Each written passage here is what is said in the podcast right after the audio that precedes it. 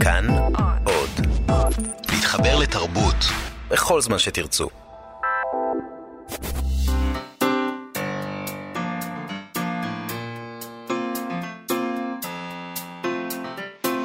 מה שכרוך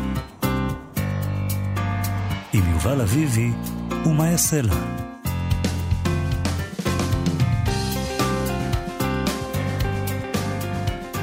שלום, שבוע טוב, תודה שהצטרפתם אלינו לתוכנית הראשונה בשבוע זה של מה שכרוך, מגזין הספרות היומי של כאן תרבות. אה, איתנו באולפן, ליטל אמירן ושלומי יצחק, תודה לכם שאתם עושים איתנו את התוכנית. אה, נגיד לכם המאזינים גם תודה שבאתם, וכבר אמרנו את זה בעצם, אמרתי, ונגיד לכם גם שניתן להאזין לנו דרך אה, אתר כאן וביישומון כאן. שם אפשר למצוא את כל התוכניות שלנו ועוד מגוון תכנים מעניינים, אז חפשו כאן אודי, אודי בחנויות האפליקציות, וגם בואו לבקר אותנו בעמוד הפייסבוק שלנו, מה שכרוך עם יובל אביבי יעשה לה, עשו לנו לייק, שילחו לנו הודעה. טוב, היום אנחנו נדבר עם לליב גל, ויקיפדית ועורכת במיזם ויקי נשים, שזה מיזם שמבקש לתקן את הפער המגדרי בפרויקט הזה ובעולם בכלל. Uh, תיקון עולם זה נחמד. מסתבר שיש פחות אורחות נשים בוויקיפדיה, מה שמוביל לכך שיש הרבה פחות ערכים על נשים. ואתה יודע איך זה, אם אתה לא שם, אתה לא קיים. אז אנחנו נדבר איתה על הנושא הזה ונבדוק מה, מה, מה הולך, מה קורה שם, מה הן עושות. נדבר גם עם הסופר ליעד שוהם, uh, הוא סופר ספרי מתח מצליח מאוד, שכל ספר שלו הופך לרב-מכר. Uh, בשנה שעברה הוא פרסם ספר מתח uh, לנוער, סיכון כפול. בתחילת אוגוסט התקיים כנס נוער קורא, בו ידבר ליעד שוהם על כתיבת מתח לנוער ולמבוגרים, והאם יש הבדל, נדבר איתו על זה, ובכלל על כתיבת מתח ועל uh, הדברים שיש על הפרק אצלו בימים אלה. נדבר גם על הספר שתי גברות רציניות, בפינת ביקורת הביקורת שלנו, עם ביקורת של יוהנה גונן, ממוסף ספרים של הארץ על הדבר הזה, ותהיה לנו פינת גנזים ועוד ככל שנספיק. אבל אה, בואו נתחיל עם הנובל האלטרנטיבי. בהחלט. אני אוהבת פרסים.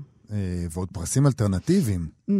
אה, סיפרנו פה בתוכנית על, בשבוע שעבר על קבוצה גדולה של אנשי תרבות בשוודיה, שהחליטו כאקט כזה של מחאה על ביטול חלוקת פרס נובל הרגיל ל-2018, להקים פרס נובל אלטרנטיבי. המחאה שלהם היא על זה שהפרס לא מחולק השנה בגלל פרשה של תקיפות מיניות שטופלה בצורה כושלת למדי. אה, אז באמת זה, זה, זה לא סתם, זה קורם עור וגידים הדבר הזה. לפנינו פרס נובל אלטרנטיבי, שבו הסופרים המועמדים נבחרו על ידי ספרנים ברחבי שוודיה, והם עשו רשימה כזאת ארוכה, וכעת כל העניין הזה פתוח לקהל בכל העולם, שיכול להצביע ולהשפיע על התוצאה, ובסוף מי שיקבל את מירב הקולות יזכה בנובל האלטרנטיבי. את הצבעת כבר, מאיה? ברור, אני בדקתי את המערכת, אני בן אדם אחראי. למי הצבעת? יש לי שליחות. אה, לעמוס עוז, מה זאת אומרת? למי אפשר להצביע? אה, המערכת, אה, אני שמחה לבשר, עובדת יפה. נדמה לי שאפשר להצביע כמה פעמים, אבל האמת שאת זה לא בדקתי, הצבעתי לעמוס עוז פעם אחת, וזהו, והוא המועמד הישראלי היחיד, ואני הצבעתי לו. מסתבר שאת פטריוטית נכון. עד הסוף. אחרי הכל, בסוף את בוחרת בישראלים. אמת. ואנחנו גאים בך על כך. אה, יש שם עוד, חוץ מעמוס עוז, רשימה נאה של מועמדים, נמנה רק כמה מהם. אה, המון, הרשימה מאוד ארוכה יח, יחסית. אה, מרגרט אטווד, פול אוסטר, דון דלילו, אלנה פרנטה, ג'מייקה קינקייד, איאן מקיואן, הרוקי מורקמי, ג'יי קיי רולינג, פטי סמית. וזיידי סמית. אוקיי. אוקיי. אה, זאת רשימה מעניינת, לפחות במובן הזה שהיא מוכיחה בעיניי, שוב, את הפער בין הקהל, אה, גם קהל שהוא מקצועי נגיד, כמו ספרנים, לבין מה שבוחרות האליטות בשבילנו כשהן מתבקשות לעשות את זה, בהנחה שוועדת הנובל היא אליטה. אה, אתה יודע, לפי מה שהסתבר כעת, ממה שהולך שם, זה אליטה רקובה למדי. אבל אליטה, אף אחד לא אמר על האליטות שהן לא רקובות. לא, זה, אופן, זה אולי אפילו תכונה נדרשת. ממש, בדיוק, זה קצת נדרש. אה, העובדה שג'יי קיי רולינג, למשל, ברשימה, זה דבר מפתיע, אני מניחה שזה לא היה יכול לקרות לאנשים הנכבדים בפרס הנובל האורגינלי. מצד כאילו, שני, הם כן... הארי הם, פוטר, אחרי הם כן בחרו בבוב דילן אה, לפני, כן. אה, לפני שנתיים. זה נכון. ולא ניתן להם יותר מדי קרדיט של עילאים ומתנשאים. מתנשאים. כן, אבל עילאיים קצת פחות, נכון. ובכל זאת רוצים ככה לדבר עם העם, לתת לו בוב דילן. וניכר שבפרס החדש יש קצת חיקוי, או השראה נקרא לזה בצורה נעימה יותר, עם פטי סמית, שזה גם כן כזה, בואו ניתן לפטי סמית. זה כן, אתה צודק בדבר הזה. כאילו, גם הם, או השכנים שלהם לוועדה, נגיד, אה, בחרו באובמה כחתן פרס נובל לשלום. אה, בערך דקותיים אחרי שהוא נבחר בשעתו. כן. אז אה, אולי הם באמת אה, פופוליסטים כמו כולנו, אחרי הכל. שזה אה, נחמד לגלות. אה, נכון. הנהדר, אני לא מתה לגלות את זה, כי אני תמיד מקווה שיש איזה מקום שלא מנוהל כמו חנות מכולת. אבל אבא שלי תמיד אמר לי שבסוף, כשאתה נכנס למקומות, אתה מגלה שהם כולם מנוהלים כמו חנות מכולת. אף פעם אל תיכנס למטבח. הוא אמר לי את זה כש... טוב, לא חשוב. הוא אמר לי את זה כשהתחלתי לעבוד באיזה עיתון מכובד בזמנו, והייתי מאוד נרגשת מזה. לא, לא אגיד באיזה עיתון. הוא אמר לי, תראי שזה מנוהל כמו חנות מכולת. הוא צדק. כן. Uh, טוב, הנעדר הכי בולט בעיניי ברשימה הזאת הוא כמובן uh, ידידנו קרל אובק נאוסגורד. כן. Uh, ידידך בעיקר. התאכזבת? Uh, לא. זה, ת, תראי, נגיד שהפרס נובל האלטרנטיבי זה כרגע בעיניי אה, פרס שצריך להוכיח את עצמו יותר מכפי שקנאוסגרד צריך להוכיח את עצמו. הפרס הזה עוד לא עשה כלום, וקנאוסגרד מוכר ברוב הספרים בעולם, ברוב בבתים. הבתים בעולם שבהם קוראים mm-hmm. ספרים. Mm. או במילים אחרות, הפרס הזה כרגע צריך את הסופרים הגדולים יותר מכפי שהסופרים הגדולים צריכים את הפרס הזה. אני חושבת שאתה מפספס פה את הסמליות של הפרס ואת כל הסמליות של המהלך הזה, ולא חושב. אה, אני שמעתי... קנאוסקאט זכה בפרסים ישראלים בכירים, והוא לא צריך את כל השטות. הוא זכה בפרס ירושלים. אני נכון. שמעתי בשעתו מאיש מאוד מרכזי בעולם הספרות השוודי, שהשוודים, בניגוד לשאר העולם, מאוד מאוד כועסים על מרק נאוסגורד, ואני מייחסת את זה שהוא לא ברשימה לדבר הזה. הם לא כל כך מתפעלים מהעובדה שהוא חשף בצורה ברוטלית את כל האנשים בחייו. הוא אמר לי אז שמדובר באנשים שגם הם כולם מכירים, זה מקום קטן בסוף שוודיה, אה, שזה מעשה גואל, גואלי מאוד מה שהוא עשה, ואני חייבת לומר שפתאום כל הספרים שלו נראו לי קצת אחרת. כלומר, כשאנחנו קוראים את זה מפה, וזה מה שגם אמרתי לו, מה אכפת לנו מזאת לינדה, והאם היא קיימת בכלל, אבל היא קיימת, באמת, וכולם יודעים מי היא. והוא באמת חשף אותה. רק אחת דוגמאות. אה, זה דבר באמת די גולי לעשות, אין מה לומר על זה. אה, וזה כמובן מוביל אותי שוב ושוב, זה קצת מחוץ לנושא הזה של הנובל האלטרנטיבי, אבל המחשבות שלי על הדבר הזה שראיתי עכשיו בגרדיאן, שמכונה auto-fiction. auto-fiction. auto-fiction. אנחנו חיים, אז כן, חוץ מזה שזה לא בעברית, זה בסדר גמור. אה, אנחנו חייבים למצוא איזה שם.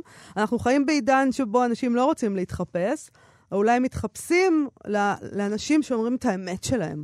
אה, כי האמת, זה כבר ברור, אה, אנחנו כבר יודעים, זה דבר חמקמק, אז אנחנו כמובן לא נדבר על אמת, אבל אנחנו הולכים עם האמת שלנו, ואנחנו כותבים את הדברים כמו שהם, ואנחנו לא נתחפש, ולא נכתוב פרוזה, ולא נעבוד על דמויות, ולא ננסה לעשות איזה סובלימציה למשהו. זה ככה אה, בפרצוף. אני לא חושב שזה מה שקנאוסקרד עושה. אוקיי. אני חושב שבכל זאת זה פרוזה, והוא בונה שם דמויות. אבל אני מסכים איתך, זה באמת מכעיס. אני שמעתי טענות דומות, דרך אגב, גם בנורבגיה, אה, על המשפחה שלו. שאתה יודע, נורבגיה זה מדינה של חמישה מיליון איש. כן. אה, אה, זה פחות או יותר שתי משפחות. אה, הם כולם מכירים שם את כולם, וגם עליו כעסו שם, אה, אה, והם כל כך כועסים שם בנורבגיה שהוא מכר שם חצי מיליון עותקים מהספרים של המאבק שלי, במדינה של חמישה מיליון תושבים. זה לא, אבל זה לא קשור. נכון, אתה יודע. לא. אנשים אוהבים רכילות, נכון. והם קראו רכילות. נכון. ו... זהו. אמ, לגבי השאלה של ה autofiction, שאני מאוד שמח שיש לנו עכשיו את המונח הזה, אפילו שהוא לא בעברית, אני חושב שאני אאמץ אותו. autofiction, זה יפה, כן. מה היינו אומרים בעברית? מה, סיפורת... אה, עצמית? אי אפשר. עצמיספורת? אנחנו אה, מאזינים. אם יש לכם איזה רעיון ל autofiction, איך להגיד את זה בעברית, כתבו לנו בעמוד הפייסבוק שלנו. כן, זה מאוד נדרש, כי ה autofiction מתחיל, כאילו זה לוהט בעולם וגם בישראל, אז בבקשה, אנחנו זקוקים לזה, כי נדבר על זה עוד הרבה בטח בעתיד, אז אנחנו צריכים מילה, תשלחו כן. לנו. עכשיו, לגבי העניין עצמו, לא משנה איך קוראים לו ה autofiction, זה אכן שאלה סבוכה, אבל אני אגיד לך דבר כזה. לא הייתי רוצה לאבד את סדרת המאבק שלי, של קנאוסגרד, בגלל התחשבות ברגשות, אם אפשר להגיד מסכימה, את זה ככה. מסכימה, גם אני לא. בהחלט. אה, בוא נשים לב גם שדוד גרוסמן לא ברשימה. זה מאוד מעניין. אה, זה דבר מעניין מאוד, נכון. מכיוון שהרשימה נקבעה, נקבעה על ידי אה, ספרים שיוצאים בשוודיה אולי, אני לא יודעת, אולי היא מצומצמת לספרות שתורגמה רק לשוודית, mm-hmm. או אולי גרוסמן לא תורגם, אולי. אני לא יודעת. Uh, אולי... אולי, אולי לא תורגם, אולי הם לא אוהבים את גרוסמן. אולי הם לא אוהבים את גרוסמן. הם שוודים. הם mm. שוודים, זה סקנדינביה, זה טרה אינקוגניטה. הוויקינגים. לך תדע, הם עושים דברים נורא משונים. אוקיי, אז למי אתה מתכוון להצביע? תשמעי, אני גם מצביע לעמוס עוז. באמת? אה, כן. אה, אני לא יודע, למה? אולי יש מעקב נאמנות על ההצבעה הזאת פה, ואת מכירה אותי, אני לא מסתבך עם נכון, השלטונות, נכון. אני, אה, הצבעת נאמנות, ישר אה, שר את התקווה. אוקיי, יפה מאוד. אני תוהה אם להמשיך להשתמש בקול שלי ולהצביע עוד ועוד פעמים לעמוס עוז, או לחלק את הביצים שלי לכמה סלים, כי אני פשוט יודעת דבר אחד. אנשים שאני מצביעה עליהם, או מהמרת עליהם, או רוצה שיזכו, אף פעם לא זוכים. אני כמו אנטי קמע. אם אתה רוצה להכשיל מישהו, תבקש ממני להמר לה- עליו. להמר עליו. אה, אז אני קודם כל רוצה להתנצל בפני עמוס עוז, אה, היו לי כוונות מאוד מאוד טובות, הייתי קצת פזיזה, אני, חושבת שאני אצביע לעוד אנשים אחרים, זה בסדר, ואז מאיה, אני אתן לו סיכוי. זה בסדר, מאיה, עמוס עוז רגיל להיות ברשימות ולא לזכות בנובל. זה נכון. סליחה, עמוס נכון. עוז. אוקיי. טוב, בשבוע שעבר, נחזור לעצמנו. בשבוע שעבר התקיים בבית אריאלה בתל אביב אירוע של מיזם וויקי נשים. וויקי נשים זה ארגון אה, שמנסה להנכיח ערכים של נשים בוויקיפדיה, כי מתברר שזה עניין חסר ובעייתי. יש מעט מאוד אורחות בוויקיפדיה, אה, ממש מספרים זניחים יחסית למספר האורחים, וכך מן הסתם יש גם הרבה פחות ערכים על נשים. היתר- אגב, באיזה קטע? כלומר, נגיד, נגיד יש יותר אורחים גברים, אז מהמם. אתה נגיד הגבר פה באולפן. גם כן גבר, מה מצאת אפשר לך. לעשות? אז מה? אז אז מה זה אומר? אתה לא יכול לכתוב ערך על אישה? לא, מה פשוט- הבעיה שלך? תראי, אני, אני מה רוצה... המוגבלות להבין שגם נשים נמצאות בעולם? אני רוצה להגיד, דברים? את צודקת וזה, אבל העובדה היא למשל שאני נגיד, או, אה, סליחה מראש, יותר מתחבר לסופרים גברים. אני קורא הרבה יותר ספרות של גברים. טוב, טוב, טוב. אז וזה- בוא בוא נתקדם. בואי נתקדם, עלית זהו. לי על העצבים כבר. כבר עליתי לך על אוקיי. העצבים. זה נכון גם לגבייך, ממיטב זיכרוני, אבל בסדר. אה, אז... אז יש פחות ערכים על נשים וגם פחות ערכים על סופרות, מתרגמות, משוררות וכולי, נשות עולם הספרות. נכון. אז האירוע בשבוע שעבר נועד לתקן את זה, או לפחות להתחיל את התיקון. איתנו לליב גל, שהיא עורכת במיזם וויקי נשים וויקיפדית, ככה זה נקרא. שלום לליב. שלום, צהריים טובים. צהריים טובים. וויקיפדית, ככה אומרים את זה? אה, כן, ויקיפדית. אה, ויקיפדית זה אדם, ויקיפדי זה אדם, או ויקיפדית זאת אדם שכותבת ערכים בוויקיפדיה בעצם? זה נכון. הכוונה? אוקיי, כן, עכשיו, זה תחביב והוא לא עבודה, כמובן. אבל כל אחד יכול, אני יכולה גם לכתוב ערכים, או שצריך אה, להתקבל לזה? איך זה עובד? כן, לא, בטח שכל כל אחד יכול, ויקיפדיה הרי זה מיזם שהוא מיועד אה, אה, להגדיל את הידע האנושי, וכמובן שכל אחד יכול. אני פשוט העדפתי ללמוד את זה בצורה מסודרת, ואני גם אה, עשיתי קורס שהיה חלק ממיזם ויקי נשים של אה, עמותת אה, ויקימדיה ישראל. אז בואי תגידי לנו, מה זה, מה זה המיזם הזה, ויקי נשים? אוקיי, אז המיזם הוא בעצם אה, חלק מהקהילה הוויקיפדית הישראלית, שיש לנו את אה, עמותת ויקימדיה בארץ, שתחתה יש כל מיני מיזמים, ובאמת, כמו שאמרתם, הפער המגדרי הוא די בולט, די גדול, אפשר לראות את זה בהמון דברים, וחלק מהמטרות של המיזם זה לצמצם את הפער הזה, גם מבחינת אה, מספרי האנשים שעורכות באמת בוויקיפדיה, וגם אה, מבחינת הערכים שנכתבים. מה הסטטיסטיקה של אורחות לעומת אורחים? אה, אז בעולם זה בערך 90-10, זאת אומרת שעל וואו. כל אה, תשעה גברים אורחים יש אישה עורכת אחת. כן, 90 בארץ, 10. אה, בארץ טיפה, המצב טיפה יותר טוב, גם בזכות המיזם, זה יותר לכיוון של 80-20, ואולי אפילו טיפה בשנים האחרונות אפילו 75-25. כל הכבוד לישראל. מה כל זה- הכבוד? כן, זה עדיין, זה- זה זה 80-20, מה זה צריך להיות? אתה, יש לך קבוצת ביקורת מסוימת, העולם במצב נורא, אתה במצב קצת פחות נורא. אתה אומר אז, כל הכבוד. יופי, נבחר אותם לראשות הממשלה. זה סטטיסטיקות אה, מעוותות. לא. סטטיסטיקות איומות, ואני מניח, כמו שאמרנו, שזה מתבטא גם ב... ב... אני יודע ש, שבקהילת הוויקיפדיה יש, יש מין עורכי על כאלה שיכולים להחליט שמעיפים את הערך אם הוא לא מתאים לא להם? כל- כל- לא על כל דבר אפשר לכתוב ערך, נכון? נניח אם אני מחר כן. נכנס וכותב ערך, יכולים, יש מישהו בכיר יותר ממני שיכול למחוק אותו, להגיד זה לא אה, ראוי. לא, לא מדויק, כאילו, הרבה פעמים שואלים אותי, את עורכת בחירה, את יש לך הרשאות, יש לך... זה, זה, זה פחות... אה, גם תהליך של מחיקה הוא לא תהליך שמישהו אחד מחליט עליו, אלא אם כן הערך באמת אה, אה, פסול מראש כי אין לו זכאות, או שהוא כתוב באמת בצורה מזעזעת ולא אובייקטיבית, ואז יש עילה למחיקה מהירה.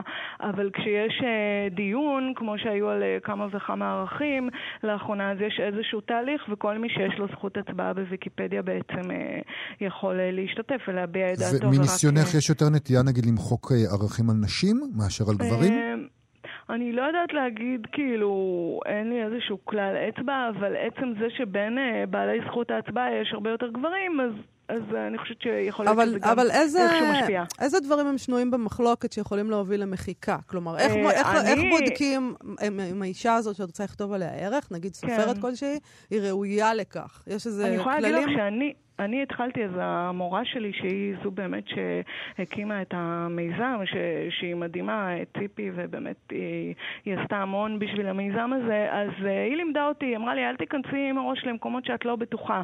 וזה גם המקום שהוביל אותי uh, לכתוב המון uh, ערכים על סופרות ומשוררות. כי יש כללי אצבע, ולמשל במקרה של סופרת, מספיק שסופרת כתבה שני ספרים באורך מלא ולא בהוצאה עצמית, היא זכאית לערך. Mm. זאת אומרת, לגבי איך הוא כתוב, ו- ואחרי זה אם הוא יגיע להצבעת מחיקה או לא, זה כבר uh, השלב הבא, אבל uh, זאת אומרת, יש פה זכאות. אני למשל כתבתי על uh, רימונה דינור, שהיא כתבה הרבה הרבה יותר משני ספרים, ולא כן. היה עליה ערך. אז, אוקיי. אה, על מי עוד כתבת אה, ערכים? אה, וואו, המון. אה, מאירה ברנע גולדברג, אתם בטח מכירים, יצא נכון. מזמן. אה, ואורנה פילץ, ווואו, אני כבר לא זוכרת. איזה, איזה, האם אישה שסופרת, אנחנו מדברים פה על סופרות, היא צריכה לעמוד באיזשהו סטנדרט מעבר לעובדה שהיא כתבה שני ספרים, וגם מה שמעניין אותי לשאול אותך זה העניין הזה של מה שעכשווי ומה שלא עכשווי. כי אני רואה כאן רשימה של דברים, נגיד, שאני אומרת, אוקיי, זה אנש- נשים שכותבות היום, אני בעד, שיהיה לכולם ערכים ב- בוויקיפדיה, אבל בעצם חלק מהעניין של המחיקה זה עניין היסטורי. צריך פה לעשות חיפוש, כאילו, ולהגיע לדברים שלא קיימים, ש, ש, שלא נמצאים שם, את יודעת, אבל זה לא שהם לא מול העיניים הם שלך לא עכשיו. חברים שלנו בפייסבוק. כן. אה, זה אנשים שכבר אינם, נשים שכבר אינן. כן. וצריך בעצם, האם גם בזה אתן מתעסקות? אה, כן, ברור. קודם כל המטרה של המיזם, ובכלל הקהילה, כי אנחנו באמת קהילה, אנחנו סוג של קהילה נשית, אה, שיש בה מקום לכל אחת, וכל אחת יכולה בעצם להביא לידי ביטוי אה, את מה שהיא רוצה לכתוב על נשים. וזה באמת גם מאוד הרחיב את הקול הנשים, אפשר לקרוא לזה ככה בוויקיפדיה. אני, אני לפחות מרגישה שאני חלק מקהילה. לגבי הרלוונטיות לכרגע, תראי, יש סופרות שכתבו המון המון ספרים והם אה, הם כבר לא בשיח אה, של היום, לא יכתבו עליהם לא בוויינט ולא, אני לא יודעת מה, אבל עדיין יש, יש מן הסתם אה, הזכאות קיימת, וגם תמצאי ערכים, אני מצאתי כמה וכמה כאלו, אני לא זוכרת כרגע דוגמאות, אבל שיש ערך בוויקיפדיה האנגלית, הספרדית, הצרפתית, הפינית, אני לא יודעת מה, ורק בעברית לא. וזה, וזה, ואלו כן אנשים שחומרים שלהם תורגמו לעברית. נכון, זה קורה הרבה. כן. זאת אומרת נכון, שהמטרה- נכון. האירוע בשבוע שעבר שנערך בבית אריאלה נועד כאילו ככה לעורר נשים שמתעניינות בספרות, להתחיל לכתוב ערכים על נשים מעולם הספרות שמעניינות אותם. אותן. נכון, זה, זה בעצם סוג של מעגל, מעגל אה, נשים שרוצות ללמוד לערוך, וגם יש פה איזושהי תמיכה, כי כשמישהי יושבת בבית מול מחשב, לא כולם כמוני עשו קורס ולמדו ככה צעד צעד, איך כותבים ערך, ומה זה אומר אם יש זכאות או אין זכאות, אז הן בעצם יושבות מול המחשב, והן לא יודעות, והן טיפה מסתבכות, וככה בעצם היינו שם קבוצה יחסית מאוד גדולה של נשים. אה, היה עם מי לשאול, עם מי להתייעץ, ואני חושבת שזה נתן להם ככה פוש כזה, באמת אה, לשבת ולכתוב ערך מההתחלה עד הסוף, ואגב, לא כולם עדיין פורסמו, כי יש איזשהו שלב של אה, טיוטה, ו... כן, זה לוקח זמן, זה לא נגמר בערב אחד, אבל תספרי נכון. לנו על אילו ספרים של סופרות, או על אילו סופרות, על אילו נשים כתבתם בשבוע שעבר, מה- מה עלה למשל במפגש כן. הזה? אז קודם כל, אה, ספר בשם מעוף הדרקון. פחות סגנון הספרותי שלי, זה יותר מדע בדיוני. ספר של סופרת עירית אמריקאית, מאת אה, קוראים לה אן מקפרי, והיא באמת, אה, זה כמובן תורגם לעברית, הספר הזה. אה, שרה סבירי, שהיא פרופסור אה, בחוגים לערבית ומדע הדתות, והיא כתבה ספר שנקרא סופים. מהמם. אה, אז עליה גם נכתב. לוסיה ברלין, סופרת אמריקאית מתחום הסיפור הקצר, כתבה הרבה יותר משני סיפורים קצרים ויותר משני ספרים. כן, ש... שרק עכשיו תורגמה לעברית, אז נכון. אה, אנחנו כן. לא הכרנו אותה עד עכשיו בעצם, אז אבל באמת... היא- ל- אנחנו קראנו את הספר שלה לא מזמן, והיא לגמרי ראויה לערך. בהחלט. אה, בהחלט. שמגיע לה ערך בוויקיפדיה ללוסיה ברור, ברור. ברלין. כן, מגיע כן. לנו שיהיה, אתה יודע, מה זה. מגיע לה? זה נשמע כאילו אנחנו פה מחלקים פרס, עושים כן. לה טובה. לא, לא עושים לה טובה, אנחנו אלה שצריכים להכיר אותה. נכון. עוד- וגם- משהו? וגם אה, נשים אחרות כמו, דפני ליף, שעוד לא כתבה ספר, אבל אולי גם זה יקרה, ושוב, כן, דפני ליף, אה, בציבוריות הישראלית, בהחלט נראה לי ש... נכון. מוזר שאין לה ערך בוויקיפדיה. לא. הם עשו הרחבה רצינית, אני אה. חושבת שכן היה. אוקיי. אה, זה. גם כן דבר ש, שאפשר לדבר עליו רגע. זאת אומרת, יכול להיות שכאילו, כשנגיד כותבים אה, על איציק שמולי, אני סתם נותן דוגמה בגלל דפני ליף, אז יכתבו עליו ערך הרבה יותר מפורט ממה שיכתבו על דפני ליף, למרות שהיה להם את אותו תפקיד לכאורה באותה מחאה. קודם כל, כן, זה יכול להיות, זה גם תלוי הרבה פעמים בכותב ערך, וגם בסוג של, אני לא יודעת אם להגיד עניין ציבורי או קהילה, כי שוב, קהילה שמורכבת יותר מגברים, אז באופן טבעי זה לעיתים לוקח למקומות האלה, כמו שלמשל, אה, אפשר לתת את הדוגמה של סדרות, סדרות טלוויזיה, סדרות שנחשבות יותר גבריות, כמו CSI והסופרנוס, ו- ויש עוד מלא, אה, אז אתה מוצא שיש ערך, ועל כל אה, עונה יש תת-כותרת, ועל כל פרק יש הרחבה, וסדרות שהן יותר נשיות, כמו סקס בעיר הגדולה, או אולי עכשיו אפשר, אה, אני יודעת, מרפאה פרטית, או אנטומיה של גרייז, אז, אז פחות, אה, פחות מקבלות, אה, הערך הוא יותר מצומצם, ובגלל שהוא כאילו נשי יותר. וגם אני נתקלתי, אה, אנחנו, יש לנו תבנית בצבע ורוד של המיזם, שאני שמה אותו בדף השיחה כשאני מסיימת לכתוב ערך, וכן, כבר קרו לי פעמים שביקשו ממני להוריד את זה, כי זה לא נראה מספיק גברי, או, או לא יודעת, מה את אה, אומרת? הם לא אהבו אותו כן. ורוד. הם לא אוהבים כן. ורוד. לא התחברו, לא התחברו לא לתבנית לוועדה. הוורודה. תנסו אולי תג שחור כזה של זה... אבל או אתם, משהו. יש לכם איזה... בעיה עם אגו. בעיה עם. אגו. אוקיי, יש לנו בעיה עם בסדר, אגו. אז סיכמנו את הנושא, יש. לכם בעיה, כן. ותטפלו בעצמכם בבקשה. לליב כן, גל. אני לא הסכמתי, אגב, אני לא הסכמתי להוריד ברור את התבנית, שלא. כי זה ברור. נכון שהערך הגעת. היה על גבר, גבר סופר, אבל אה, עדיין. כאילו. אז לפחות תעשו תו כחול כזה לגברים גם. לא, לא, בדיוק לא. לא, לא מגיע. לכם, בסדר, זה יהיה ורוד. לליב גל, תודה אה, תודה רבה שדיברת לך. איתנו. תודה לכם. להתראות. ביי. ביי. תשמעי, בינתיים, תוך כדי שאנחנו נהנים אה, מהקול של מרגול, אה, שלחה לנו אתי בן שושן הצעה ראשונה למונח autofiction. בעברית ב autofiction, וככה היא כותבת, בעברית אמרו בדיונני, שזה. שילוב של בדיון ואני. גאוני. שזה יופי של נפלא. דבר, וזה מזכיר לי קצת וואו. את המילה אוננות, שהיא מתאימה לסוגה הזאת. לגמרי. ו- ואני לא יודע אם זה מכוון או לא מכוון, אתי בן שושן, אבל זה מה שזה גאוני, אה, גרם גאוני, לי לחשוב נפלא. עליו. וזה יופי של דבר, אולי ניקח מאוד. את זה. אוקיי, נעבור הלאה ותשלחו לנו עוד הצעות, כי אנחנו אוהבים אה, את המשחק הזה מאוד. בתחילת אוגוסט התקיים בסינמטק תל אביב הכנס הש- השישי של נוער קורא. אה, שזו תופעה מאוד מאוד מעניינת. בשנה שעברה הגיעו לכנס הזה 1,500 בני נוער, יובל. 1,500 בני נוער. מדהים. מה שמראה שאולי אנחנו סתם מטנפים עליהם כל הזמן, אתה יודע.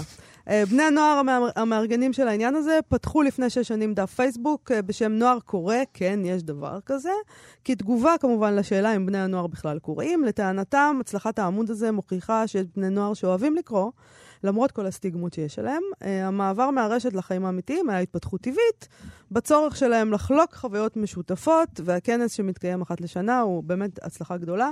אה, וזה בהחלט דבר נחמד אה, לשמוע. אחד מהסופרים שהשתתפו השנה בכנס הזה הוא הסופר ליעד שוהם.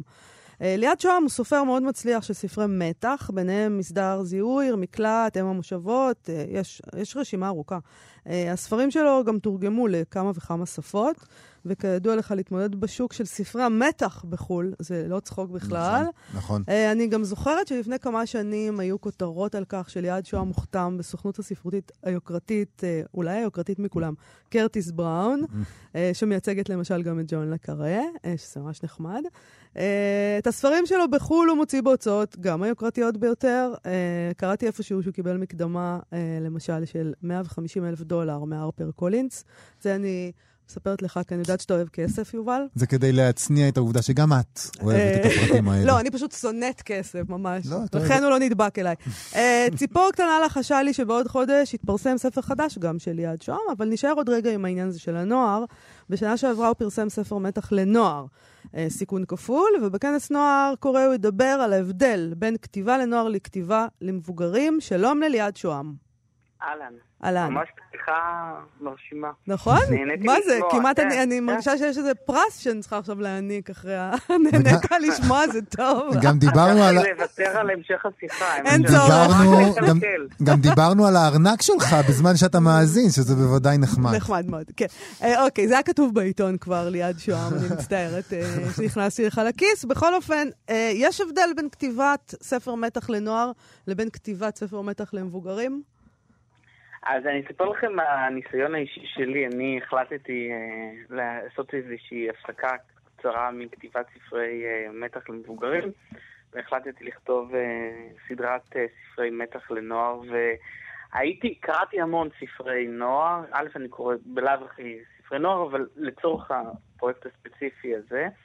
והייתי בטוח שכשאני אתחיל, אה, זה ילך לי בצורה קלה וגם אה, אקבל אה, תגובות אה, חיוביות.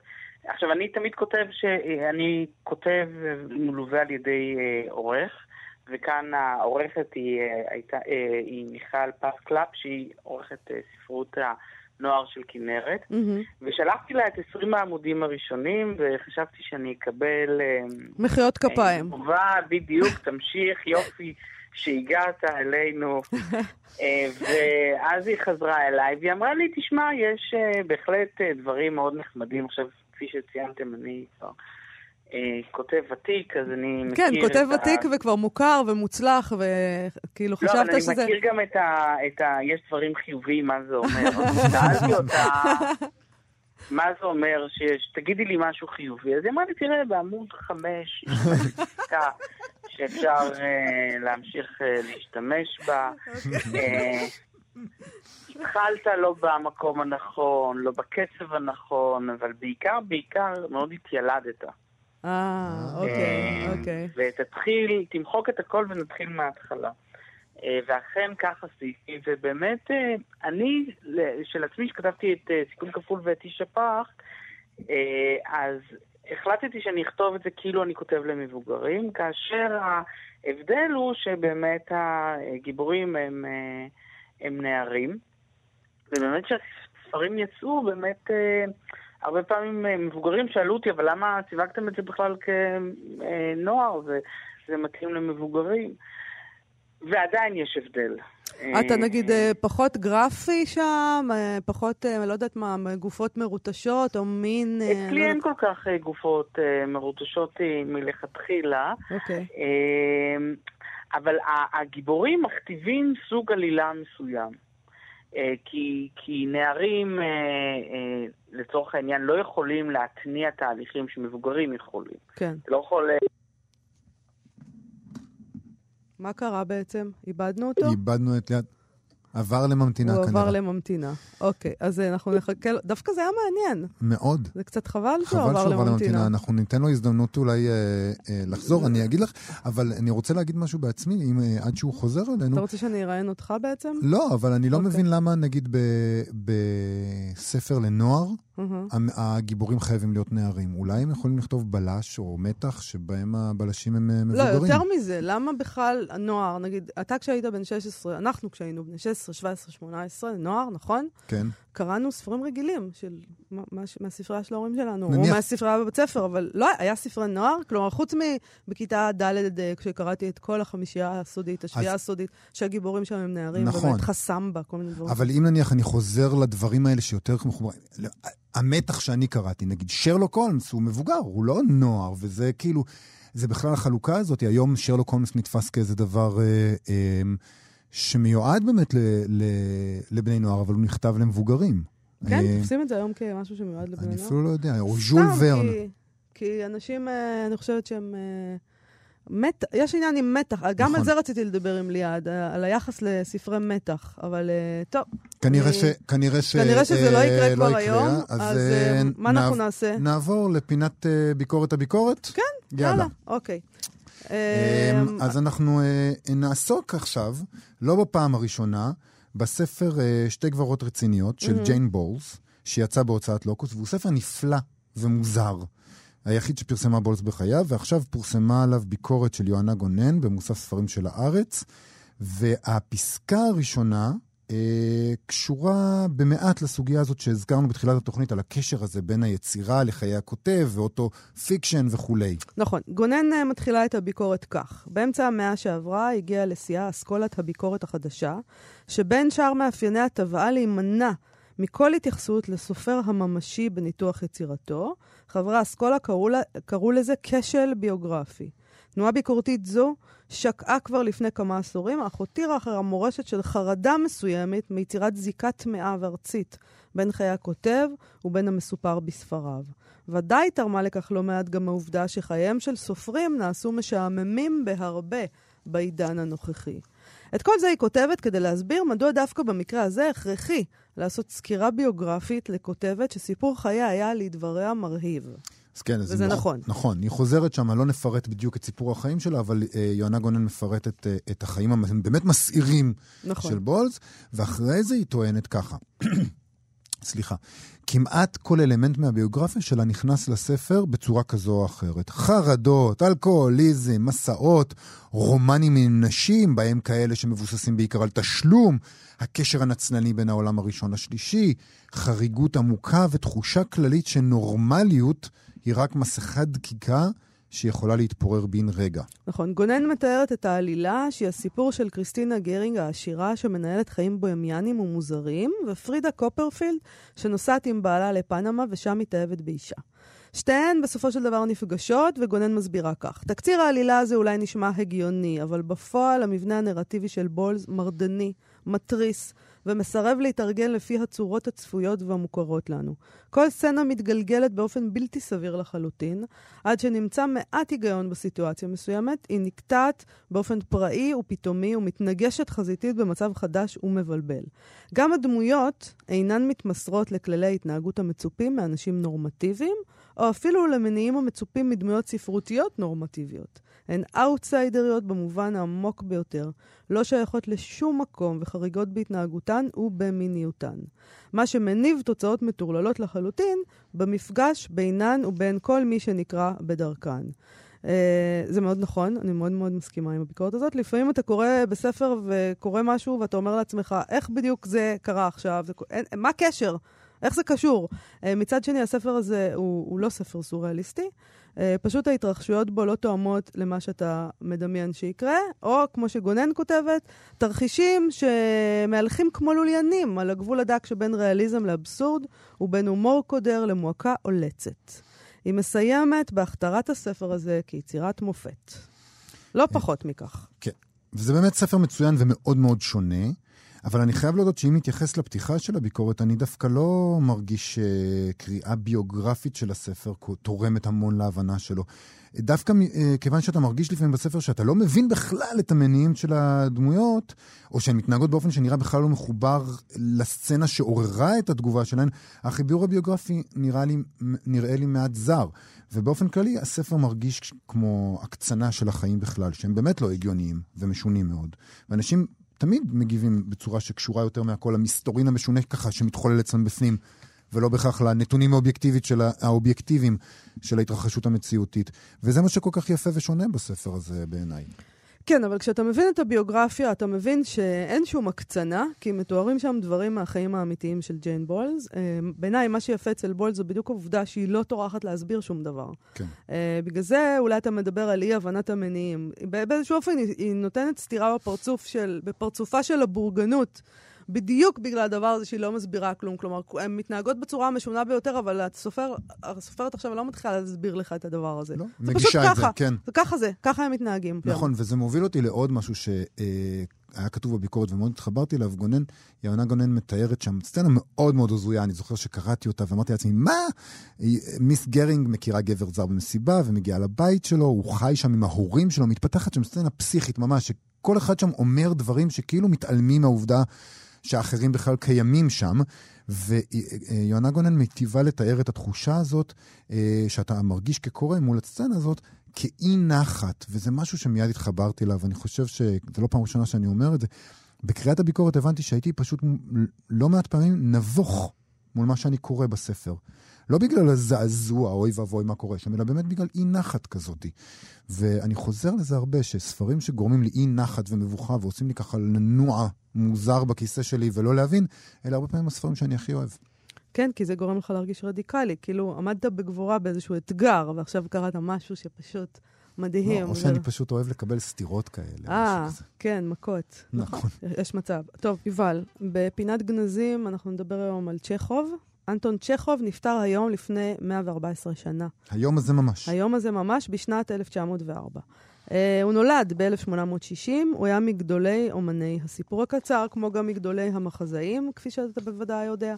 בשנת 2004 פרסם בעיתון הארץ uh, בני מר, תרגום שלו מיידיש של דברי הספד על צ'כוב, שכתב בעל מחשבות, שם העט של ישראל איזידור אלישיב, שהיה המבקר המודרני הראשון בספרות יידיש, ששמו רשום בשורה אחת עם שמם של הקלאסיקונים שלנו, מנדלה, שלום עליכם, פרץ. יחד איתם מניח יסודות הספרות המודרנית ביידיש. זה, כך, כך הוא הוגדר אה, הבעל המחשבות מתוך הלקסיק, בלקסיקון לספרות יידיש חדשה.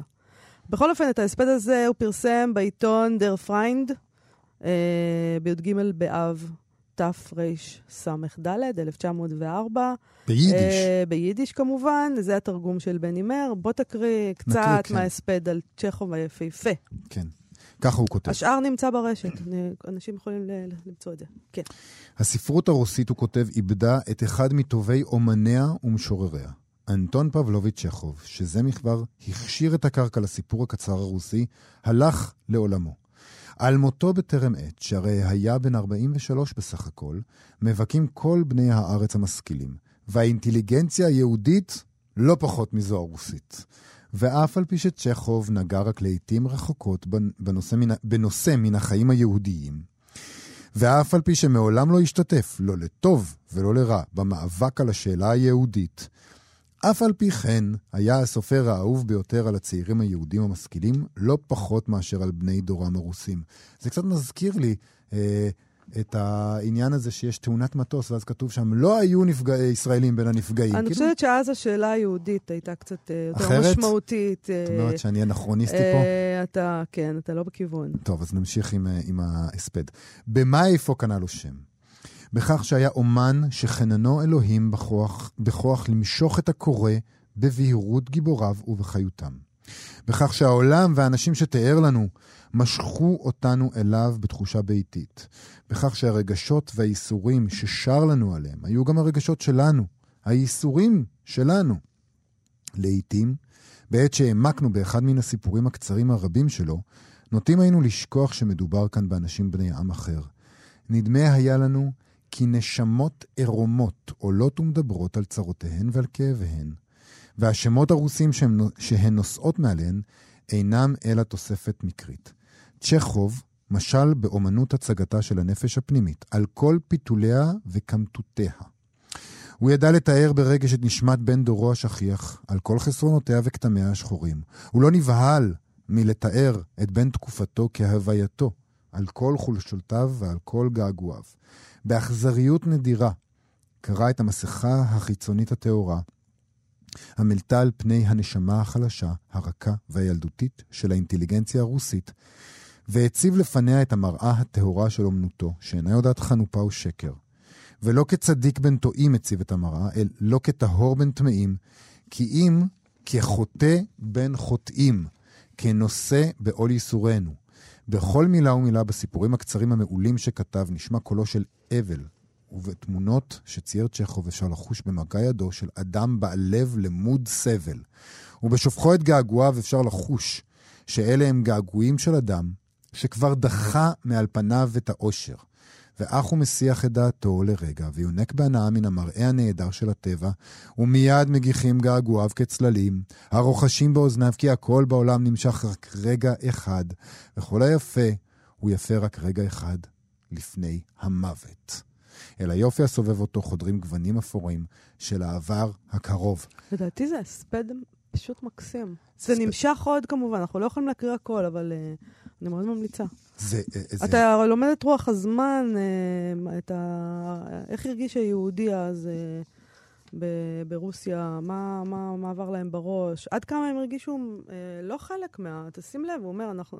הוא מופתע שצ'כוב בעצם מתאר, שאתה יכול להזדהות למרות שהוא כותב על רוסים. ולא על איזה- יהודים. אתה מבין את הניכור שהם חשו מהסביבה. מצד שני. כי, זאת אומרת, החיבור הזה אליו, רק דרך האבל והייסורים, ותראו כמה הוא, כמה הוא הפליא לתאר את כל הכאב שאנחנו מרגישים עכשיו, ו- ו- וכולי וכולי. כן, לא, בהחלט, בהחלט. בהחלט. החיבור הוא ממקום אה, איום ונורא. כאב כולם מרגישים, בלי הבדל דת, גזע ומין. לא ידעת? לא, לא, אה. כך שמעתי. כך. אומרים. אוקיי, אנחנו נכון. צריכים לסיים, יובל. אנחנו צריכים לסיים להיום, אנחנו נהיה כאן שוב מחר. אה, נזכיר לכם לפני שאנחנו הולכים, להוריד את האפליקציה, את היישומון כאן עוד, שבו תמצאו, שבה, עכשיו צריך להגיד שבו או שבה? יישומון, שבו. יישומון שבו, תמצאו. שבו תמצאו את כל התוכניות שלנו וגם הרבה תכנים מעניינים אחרים. אז תחפשו, חפשו כאן אודי בחנויות האפליקציות.